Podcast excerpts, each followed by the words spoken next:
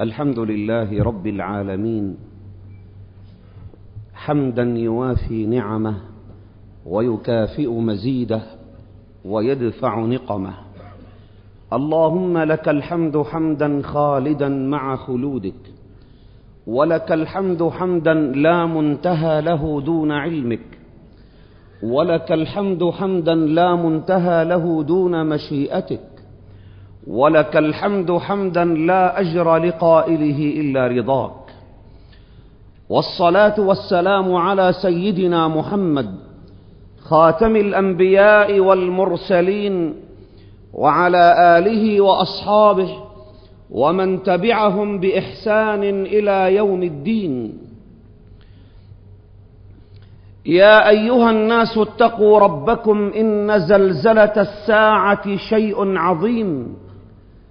يوم ترونها تذهل كل مرضعة عما أرضعت وتضع كل ذات حمل حملها وترى الناس سكارى وما هم بسكارى ولكن عذاب الله شديد.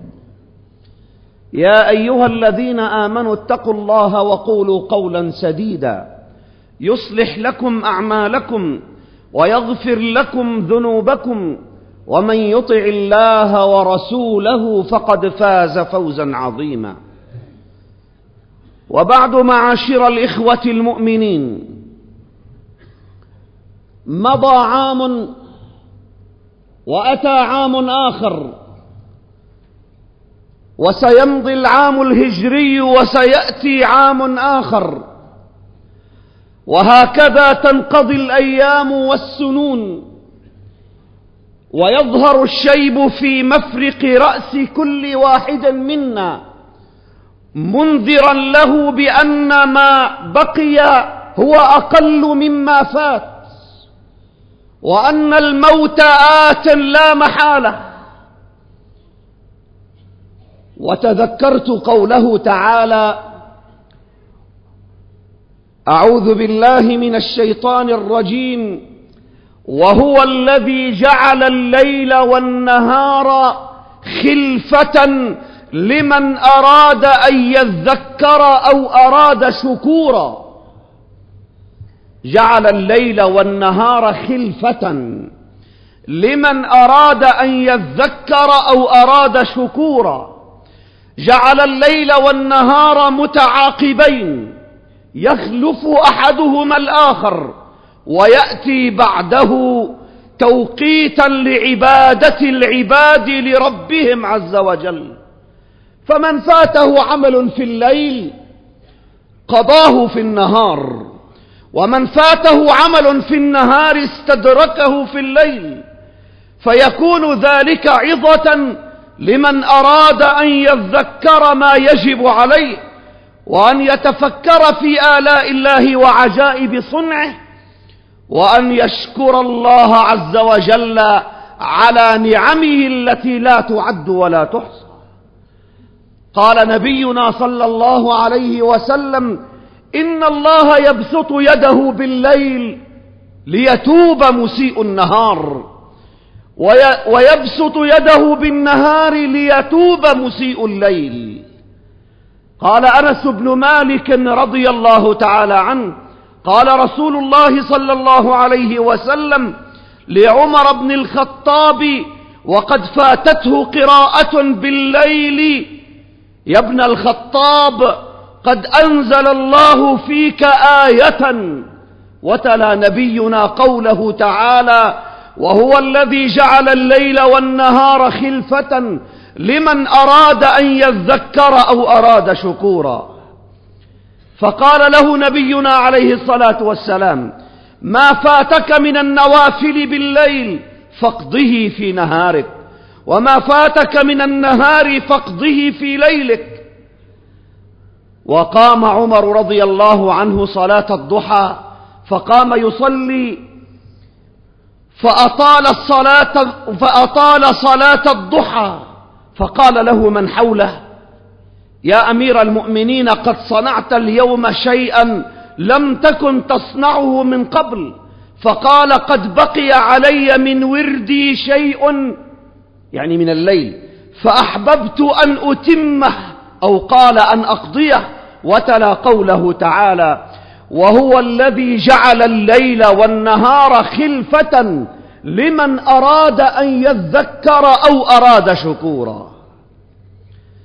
وهنا تذكرت قول القائل أيها الإنسان إنما أنت بضعة أيام فإذا انقضى يوم انقضى جزء منك وهكذا حتى تنقضي أيامك وينقضي معها عمرك فتنقضي أنت. إنما أنت بضعة أيام. ورحم الله من قال الليل والنهار يعملان فيك فاعمل أنت فيهما. يعملان فيك يجعلانك بعد طفولتك شابا وبعد شبابك كهلا وبعد كهولتك شيخا فإذا بك قد انحنى ظهرك وضعف بصرك وضار الشيب في رأسك ودبت فيك الأمراض فإذا أنت تنتظر ساعة موتك فهل أنت عامل في حياتك ما ينفعك لما بعد موتك؟ وقد ورد في الحديث الناس نيام فإذا ماتوا انتبهوا. الناس نيام. وقد ورد في بعض التفاسير في قوله تعالى أولم نعمركم ما يتذكر فيه من تذكر وجاءكم النذير أن النذير هو الشيب. جاءكم النذير جاءكم الشيب. وعلا كل واحد منكم رأسه الشيب واشتعل رأسه شيبا فإذا بالشيب مؤذن بمغيب العمر. وإذا بالشيب مؤذن بمغيب شمس هذه الحياة على الشيب في رأسك والسؤال لك بماذا أفنيت عمرك؟ بماذا قضيت شبابك؟ ولا تزول قدما عبد يوم القيامة حتى يسأل عن أربع عن عمره فيما أفناه وعن شبابه فيما أبلاه وعن ماله من أين اكتسبه وفيما أنفقه وعن علمه ماذا عمل به. واسأل نفسك أتى عام ألفين وسبعة وسوف يأتي عام ألف وأربعمائة وثمانية وعشرين وصار عمري الآن أربعين أو خمسين أو ستين أو أكثر أو أقل فبماذا أمضيت عمري؟ وتذكرت أبياتا جميلة لشاعر من الشعراء الصادقين وهو يروي حكاية عمره. يقول هذا الشاعر رحمه الله ويا ليتكم تدركون هذه المعاني التي عناها الشاعر لا تسألوني عن حياتي لا تسألوني عن حياتي فهي أسرار الحياة هي منحة هي محنة هي عالم من أمنياتي. قد بعتها لله. قد بعتها لله ثم مضيت في ركب الهداة. أما طريقي أما طريقي فهو قرآن وسيف وابتلاء. الله باركه وسار عليه قبل الأنبياء ومواكب الشهداء ومواكب الشهداء روته بأنهار الدماء. فإذا به روض زكي فإذا به روض زكي في إطار من ضياء. أما مصيري فهو ما يرضى الإله وما يريد. أما مصيري فهو ما يرضى الإله وما يريد. الفوز بالنصر المبين أو الشهادة والخلود. فإذا وجدت على الثرى وهنا المقصد. فإذا وجدت على الثرى والعمر محدود الحدود فكن البطولة والهداية أو فيا بئس الوجود. فإذا وجدت على الثرى التراب. والعمر محدود الحدود. فكن البطولة والهداية أو فيا بئس الوجود. أرجو من الإخوة أن يتقدموا قليلا. جزاهم الله عنا خيرا.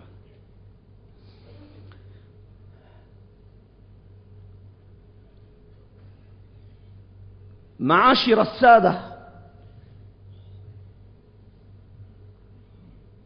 حياتك رأس مالك. إذا انقضى جزء من حياتك انقضى جزء منك. فبادر بالأعمال الصالحة. وما فاتك من الليل فأتمه في النهار. وما فاتك في النهار فأتمه في الليل. واغتنم حياتك في طاعة الله. واغتنم عمرك في محبة الله عز وجل. والإقبال على طاعته فسوف تنقضي هذه الحياة سواء بعمل صالح أو بعمل غير صالح. قال ابن العربي رضي الله تعالى عنه سمعت ذا الشهيد الأكبر يقول إن الله تعالى خلق العبد حيا عالما وبذلك كماله وسلط عليه آفة النوم وضرورة الحدث حدث ونقصان الخلقة إذ الكمال لله وحده. فما أمكن الرجل من دفع النوم بقلة الأكل والسهر في طاعة الله فليفعل. ومن الغبن العظيم أن يعيش الرجل ستين سنة. ينام ليلها فينام ثلث عمره. وينام في النهار راحة فيذهب النصف من عمره ويبقى له نصف عمره. ومن الجهالة والسفاهة أن يتلف الرجل نصف عمره في لذة فانية. ولا يتلف عمره في لذة باقية عند الغني الوفي سبحانه الذي ليس بعديم ولا ظلوم. ثلث عمرنا ننامه والباقي من عمرنا في الثلثين نأكل في بعضه ونشرب في بعضه ونتغوط في بعضه فإذا بالعمر يذهب أكثر من نصفه سدى. فمن يعيش ستين عاما ينام ويأكل ويشرب أكثر من ثلاثين عاما. فإذا بنصف عمره يضيع. ويا ترى بماذا يقضي النصف الثاني؟ سهرات في الليل على معصية. إضاعة للوقت في غير طاعة الله عز وجل. غفلة عن الله سبحانه وتعالى. ولا تطع من أغفلنا قلبه عن ذكرنا واتبع هواه وكان أمره فرطا. علينا أيها السادة أن نغتنم أعمارنا في طاعة الله. وأن نغتنم أعمارنا في طلب العلم وأن نغتنم أعمارنا في كل ما يقربنا إلى الله عز وجل. قال نبينا عليه الصلاة والسلام في الحديث الصحيح بادروا بالأعمال سبعا هل تنتظرون إلا فقرا منسيا أو غنى مطغيا أو مرضا مفسدا أو هرما مفندا أو موتا مجهزا أو الدجال فشر غائب ينتظر أو الساعة والساعة أدهى وأمر. بادروا بالأعمال الصالحة قبل أن تداهمكم هذه الأمور. فقر منسن غنى مطغ مرض مفسد هرم مفند يجعل الإنسان ينسى. موت مجهز الدجال الساعة.